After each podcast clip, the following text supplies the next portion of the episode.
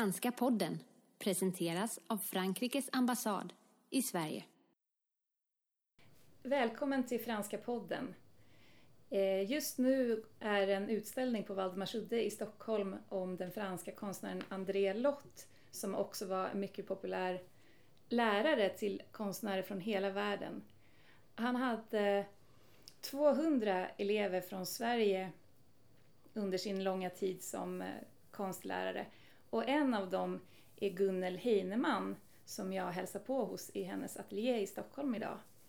Hej Gunnel! Hej! Kul att du tog dig tid. Ja, du vill att jag ska berätta om André Lott? Ja, och kanske hur eh, det kom sig att du åkte till Paris och började på hans skola.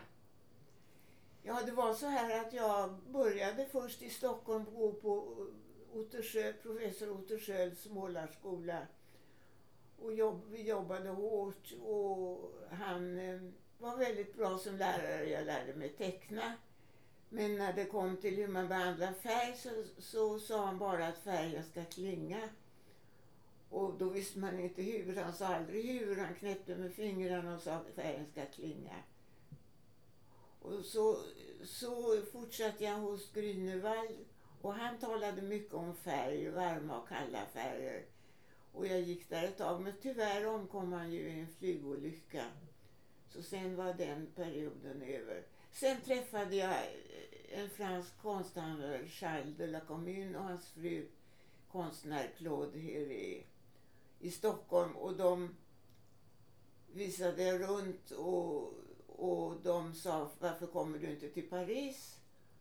Och jag ordnade med ett så kallat bolag här i Sverige att jag fick tio intresserade personer som betalade lite varje månad och så skickades till mig så jag kom iväg med ganska snabbt. Eh, 1947. Och då hamnade jag uppe i ett eh, gäng franska konstnärer, Le Montmartre och bodde hos de la Commune som också bodde i Montmartre. Och det var Jean Paul och Begaud och Maurice Blanchard och André Faux och även Marcel Lemé, författaren, var med i gänget där. Och den här målaren André Faux var en utpräglad kubist. Och jag blev fascinerad av, av hans sätt att arbeta och pratade mycket med honom. Och då säger han varför går du inte och börjar gå på målarskola hos André Lott? Han kan undervisa dig bra. Och 1948 så gick jag upp på André Lotts målarskola på Rue d'Odessa i Montparnasse. Och började och ställde upp ett staffli där och började arbeta. Och jag greps genast av, det var en fantastiskt härlig miljö det var lugnt och arbetsamt och, och det var eh, högt i tak och takfönster. Bra ljus och vi stod ganska trångt med våra stafflier. Och bakom mig satt vår svenska svenske kände konstnär, numera senare kände konstnär Bengt Lindström. Han satt alltid på golvet. Så, så fort jag tog ett steg bakåt så snubblade jag på hans långa ben det var ju också så underbart att det kom då efter kriget unga konstnärer från hela världen och alla kände till André Lotts akademi. Där var konstnärer från Turkiet, från Grekland, från Schweiz, från Danmark, Norge, Sverige och från Island, från USA, från New Mexico, från Ja. Och det gav mycket med alla våra samtal. Pratade ni franska då med varandra eller? Ja, vi, vi pratade på alla möjliga olika språk. Det var, det var många svenskar och de kunde oftast inte särskilt mycket. Det var inte så många svenskar då. Och de talade inte särskilt mycket franska. Men vi talade engelska och vi, ja, vi pratade på vårt sätt. Det var många fransmän som gick där. Mm. Och vad hade André Lott för, för undervisningsstil så att säga? Jo, han, han, där stod en modell och vi kämpade med den varje förmiddag. På fredagarna kom han och satte sig mitt i rummet. Och de som ville, ville ställde upp sina målningar på stafflit framför honom. Och han började prata. Han tog sin pen, en pensel och han målade för att förklara. Han tog krister och han, han tog pappersklipp han hade och höll uppe. Allt för att förklara färgen, varma kalla färger, färgens plats i rummet, komposition, gyllene snittet, linjeföring, kontraster. Ja, det var mycket geometri, påtaglig form och färg. Och han hade en mapp med många fack och där hade han reproduktioner av väldigt mycket Susanne som han hela tiden tog fram. Men många andra klassiska också jämförde. Och där stod vi ju då alla runt och, och lyssnade. Ibland tog han ett block och ritade på det. Han, han, var en underbar liten humoristisk och glad och vänlig man. Mycket humor hade han så vi skrattade ofta. Till exempel kan jag berätta att eh, jag kunde ju franska för jag hade pluggat innan och jag hade varit där ett tag. Så jag, och, och dessutom så läste jag hans böcker. Traité d'un paysage och flera andra böcker. Jag var väldigt intresserad av hans sätt att arbeta. Och för att lära mig eh, fraserna, de rätt svåra franska fraserna förstå. Och så fick jag stå bredvid honom och översätta för svenskarna. Och om jag inte var, råkade vara i närheten så hojtade han glatt. O Emma Soterell var det min gräshoppa. Jag var lång och smal och hade en grön målarrock så att jag var hans Sauterell där. Och så fick jag översätta. Ja, vad ska jag mer berätta? Eh, jag tänker, hur eh, målade ni hela dagarna eller vad gjorde ni på fritiden? Umgicks ni, liksom gick ut på barer eller gjorde utflykter och sådär? Nej, vi, vi målade hela förmiddagarna och sen framåt, eh, ja, när det började bli lunchdags så, så skildes vi alla åt. Det var ingenting särskilt organiserat utan man pratade då med en och annan och då kanske man gick, det fanns en massa små matställen runt om, så gick man och åt någonstans. Och sen där i Montparnasse, Rue d'Odessa, Café Dome som ju var en känd mötesplats låg bara två kvarter där, ett par kvarter därifrån. Och där kunde man alltid titta in. Där satt ofta svenskar och så kunde man ju träffa dem. Och ett annat ställe där på kvällarna ibland folk träffas var Café Mabillon nere på Saint-Germain-des-Prés. Men det var ingenting gemensamt utan var och en skötte egentligen sitt. Mm. Och, eh, och du hade också, du målade också hemma hos dig? Eller du hade ja, också... och sen var det mycket att man skulle, han, Lott talade ju mycket om eh, museer och konst i allmänhet och då skulle man ju gå på museer, gå på Louvre och gå på alla utställningar. Det var ju mycket både små och stora utställningar att gå på. Så det, det travade man ju runt och överallt i Paris hela eftermiddagarna. Mm. Och hur länge var det då som du var elev hos André Lott? Ja, det var lite mindre än två år. Fyra terminer, en, ja, ungefär. Och sen flyttade du tillbaka till Stockholm eller vad hände sen? Sen stannade jag ett tag. Sen gick jag helt kort hos Leger efter det. Men det var ganska kort för sen var det faktiskt dags att åka hem. Och jag fick aldrig lika god kontakt med Fernand Léger som med Lott eftersom jag gick så kort där. Men det var väldig kontrast kan jag säga. Där ställde han upp två stora kraftiga modeller och en cykel. Och Slott hade vi en modell, med väldigt bra karaktärer. Och de målningarna som vi gjorde, det blev ju inga vackra målningar utan det var ju experiment alltihopa. Det är därför jag inte har kvar någonting som jag kan visa på den här utställningen av modellstudier. Mm. Men vad, vad skulle du säga att eh, André Lott har... Hur har han påverkat ditt fortsatta konstnärskap?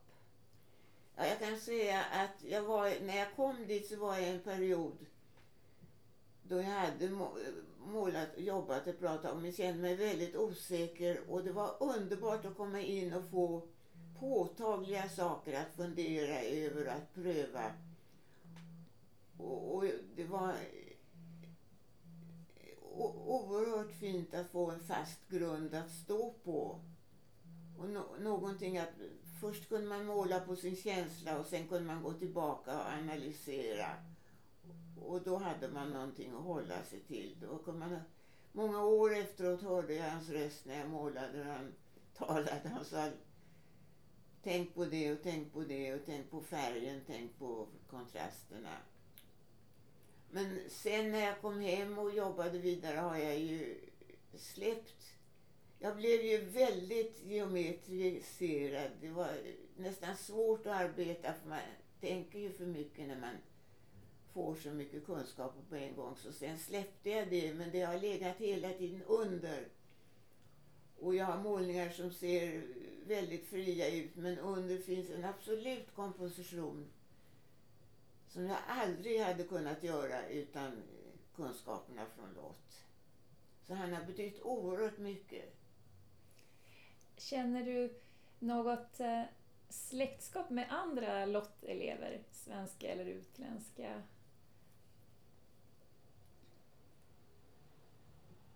Jag vet inte, jag har inte tänkt så mycket på det faktiskt. För sen när, man, kom, jag kom hem så var det ju de olika riktningarna som gällde här. Då var konkretismen på gång och sen kom det informella måleriet och konceptkonst och så vidare. Och då är det snarare det som man eh, försöker att hänga med och intressera sig för. Jag, Bengt Lindström träffade jag flera gånger efteråt och hade kontakt med. Men inte, några, inte andra. Eh, Eh, jag har förstått också att det även var fotografer som gick hos Lott, till exempel Christer Strömholm. Hur, eh, hur, eh, vad kan fotografer lära sig på, i en sån ateljé där man målar? Jo, men det, det är, man kan lära sig oerhört mycket. Det är ju bild och komponera en bild på alla olika sätt. Även om de inte sysslar med färgen så är det valörer man kan lära sig oerhört mycket. Och strömmen gick ju redan, jag tror det var 39, långt före mig. Mm. Men han kom in och gjorde ett reportage därifrån däremot. Från Lotts målarskola. Och det finns en del foton på mig. Han, han satte mig och sa se på dina penslar. Och så satt jag där och så blev det en massa fina foton.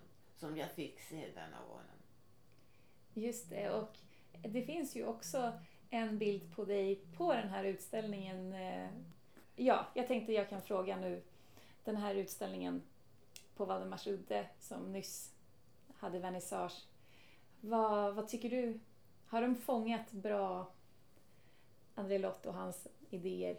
Ja, det tycker jag. Den är ju oerhört rik och den är stor och, och väldigt roligt att de har gjort en så sammansatt utställning av hans elever. Vi är olika allihopa, det ser man ju redan där. Men ändå så kan jag tänka mig att alla har lärt sig väldigt mycket av honom. Och att de verkligen gör en sån här satsning. För jag tror inte André Lott är så känd av, av, av andra här i Sverige som han borde vara. Vad, vad tänker du om hans verk då? Är det några som du gillar särskilt mycket? Eller vad tycker ja, jag tycker mycket om hans målningar. De är ju väldigt teoretiska men eftersom jag själv förstår vad, det, vad han menar så uppskattar jag dem mycket. Det, han har några modellstudier och han har den där stiliga från hamnen i Bordeaux. Och jag tycker han är en fin konstnär. Mm. Och Lite personligt färgad naturligtvis som mig vad tror du... För att han var ju som sagt, han tog emot elever i många decennier och eh, de säger där på Liljevalchs kanske 1500 elever. Varför, vad tror du han fick ut av att undervisa? Ja, jag tror att han var livlig och spontan och tyckte om människor. Och han, man kände att han iakttog en och, och, och jag tror han fick ut en mänsklig, psykologisk historia av det hela också. Jag kan inte tänka mig att han hann arbeta så mycket som han borde ha gjort. För det här måste ju ha tagit enormt mycket kraft från honom. Och han var hela tiden med. Och han var med varje vecka där, livfull. Har du kommit på någonting som du gärna vill säga som jag inte har frågat om? Nej men alltså det var ju också själva att komma till Paris efterkrigstid. Det hade ju varit tillstängt här, det var så mörkt och, och man kom inte utanför gränserna och plötsligt träffar man unga människor intresserade från hela världen. Och det var inte särskilt dyrt för att vara där för oss. Så man kunde stanna ganska länge och verkligen uppleva Paris. Det var mycket, eh, allting var väldigt starkt. Så de eh, fyra åren jag bodde där, de glömmer jag ju aldrig. Och att då träffa en sån stark person som André Lott glömmer jag ju aldrig. Har du åkt tillbaka till Paris regelbundet efter det eller? Nej, sen hände så väldigt mycket. Sen träffade jag där i Paris min blivande man. Han kom ifrån Sydfrankrike och vi träffades och så småningom så gifte vi oss. Och flyttade till Malmö och han var konstnär från Göteborg men han var även Ingmar Bergmans scenograf. Så vi bodde i Malmö i fem år och då hade jag chansen att träffa och det var mycket spännande med Malmö stadsteater under Ingmar Bergman. Det var vitalt. Så att eh, då blev jag mycket engagerad i teater och, och deltog i en del scenografi och så. Och så fick jag barn, ett, en dotter. Så då hann jag ju inte måla så mycket. Men sen har jag verkligen arbetat. Och jag gjorde även porträtt, flera studier på Ingmar Bergman. Vi blev goda vänner. Där hänger en gobeläng. Han var ju ung då, 35 år. Det vävdes gobeläng på handarbetesvänners mina skisser. Men det är fortfarande även i gobeläng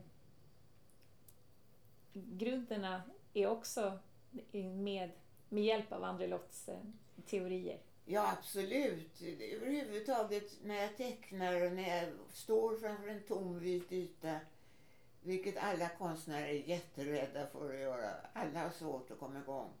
Och då har jag någonstans i bakhuvudet kompositionsmöjligheter.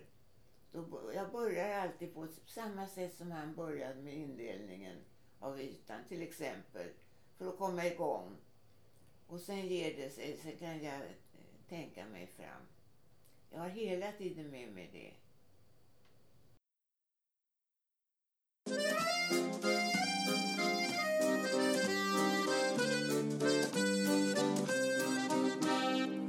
Franska podden presenteras av Frankrikes ambassad i Sverige.